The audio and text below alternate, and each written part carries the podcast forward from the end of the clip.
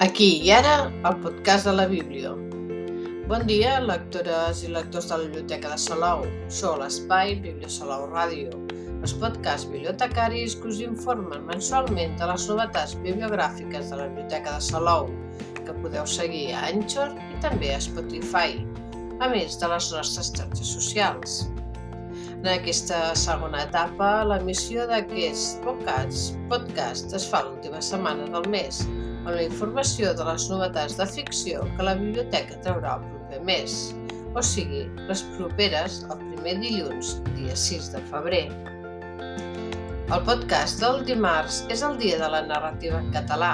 i avui, 31 de gener, us presentem les 8 novel·les que trobareu entre les novetats de ficció d'aquest mes de febrer. Escolteu i preneu una nota, que comencem. Per aquest mes de febrer que estem a punt d'encetar, tornen les novetats d'autors catalans, alguns de premiats, altres amb molt recorregut i alguna escriptora novella. Per girar la vista als Pirineus i descobrir històries que ens toquen de ben a prop, tenim la nova novel·la de Pep Coll, La llarga migdiada de Déu,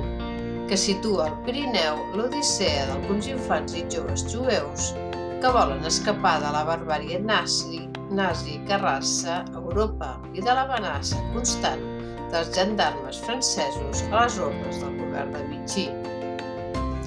També ben a prop nostre transcorre la història de la Jara i les seves germanes, que defensaran les vinyes del Penedès de l'avar terratinent Sebastián Delgado. Es tracta de la novel·la Cira i les filles de la vinya, de Victoria Fernández, un relat èpic protagonitzat per les dones que defensen i treballen la terra, una novel·la sobre el món del vi, plena de traïcions, intrigues, honor i reputació familiars, amb lluites internes i amors impossibles, passions inconfessables i relacions que trenquen les normes. Més intimistes i personals són les novel·les de les catalanes Laura Fabregat Aguiló amb la vida per dins i la possibilitat d'anir-ne a casa de Marta Oriols, amb dues publicades aquest 2023. A la vida per dins, la protagonista, marcada per una mare despòtica que no se l'estima i un pare nen malalt, crònic i feble, se sent cada vegada més sola, allunyada per la gent que sempre l'havia estimada, fins que trenca del tot amb la realitat quan ho deixen amb el seu xicot i recorre a l'avi per saber què li està passant. Després de la premiada novel·la de Marta Oriols, Aprendre a parlar amb les plantes de 2018 i la dolça introducció al caos de 2020, arriba l'esperada tercera novel·la, La possibilitat de dir-ne a casa, que es du fins al Líban per tornar a Barcelona, la protagonista és una corresponsal a l'estranger que decideix tornar després de 20 anys fora per repensar el seu itinerari vital i allunyar-se tant d'un lloc que l'apassiona i la desgasta i d'una professió que voldria exercir d'una altra manera, com també d'una amistat amb una dona més jove que la porta a qüestionar-se els fonaments de la seva intimitat. A la tornada, però, ni el poble, ni la família, ni els amics ni l'home a què havia estimat seran el que esperava. També ens fa viatjar, a Europa, el Premi Joanot Martorell amb la novel·la Un afer europeu, de Jordi Sebastià. Una novel·la negra amb un punt de sarcasme que ens descobreix les clavegueres de la política europea plena aquesta d'hipocresia i violència soterrada i protagonitzada per lobistes implacables. El protagonista de la novel·la és també un periodista, escèptic però vocacional, que investiga els interessos que s'amaguen darrere d'un acord comercial que perjudicarà letalment els productors de taronja valencians. I tanta curiositat pot resultar perillosa i sense deixar l'actualitat i la mentida, arriba la nova novel·la de Francesc Serés, l'autor de La Casa de Foc, Premi Proa de novel·la 2020. Es tracta de La mentida més bonica,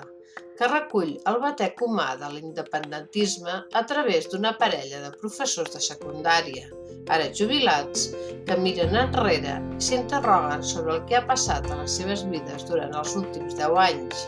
i es pregunten pel seu compromís polític i s'encaren amb el desengany que viuen ells i el país.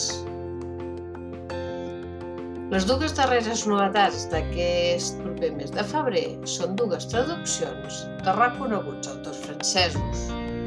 D'una banda, la trentena novel·la d'Amélie Nothomb, Primera sang, guanyadora del Premi Renaudot 2021, on narra la història del seu pare abans que ella nasqués. Un llibre breu d'escasses 130 pàgines que comença a la primera pàgina amb el jove cònsul belga, belga Stanley Bill Patrick Notom i futur pare de l'escriptora davant d'un escamot de fusellament al Congo de 1964. Una novel·la que narra la vida plena de peripècies del seu pare i en reconstrueix els seus orígens, la història de la seva família fins al seu naixement en un clar homenatge pare, que va morir el 2020 quan l'escriptora va començar va començar-ne l'escriptura. I d'altra banda, acabem destacant la nova novel·la del francès Pierre Lemaitre, El gran món, que traiem alhora en català i castellà. Es tracta del primer títol d'un nou cicle històric i d'aventures que se situa en els 30 anys gloriosos posteriors a la Segona Guerra Mundial, que es mou entre els escenaris de la Guerra d'Indoxina, les colònies franceses a Orient Pròxim i la realitat econòmica i social en el París de la reconstrucció nacional. La protagonitzen la saga familiar dels Pelletier, el patriarca dels quals regenta una fàbrica de sabons a Beirut i els fills dels quals abandonen la capital libanesa per instal·lar-se uns a París i la darrera filla a Saigon. La novel·la utilitza, com en les sèries televisives, el procediment de tallar la història, els tirs argumentals amb sorpreses i el suspens perquè el lector tingui ganes de seguir el següent capítol, la següent temporada i, en aquest cas, el volum següent. No és estrany, doncs, que la novel·la ja tingui una versió per al cinema que es vol començar a rodar a la primavera. I fins aquí el podcast d'avui que el Més Més ha fet un petit repàs de totes les novetats de narrativa en català, d'autors catalans i traduccions que estaran disponibles per a vosaltres, lectors i lectores de la Biblioteca de Salou, el proper i primer dilluns de febrer, en horari habitual de tarda. Que tingueu, doncs, molt bon dia i molt bones lectures que us acompanyin en el dia a dia.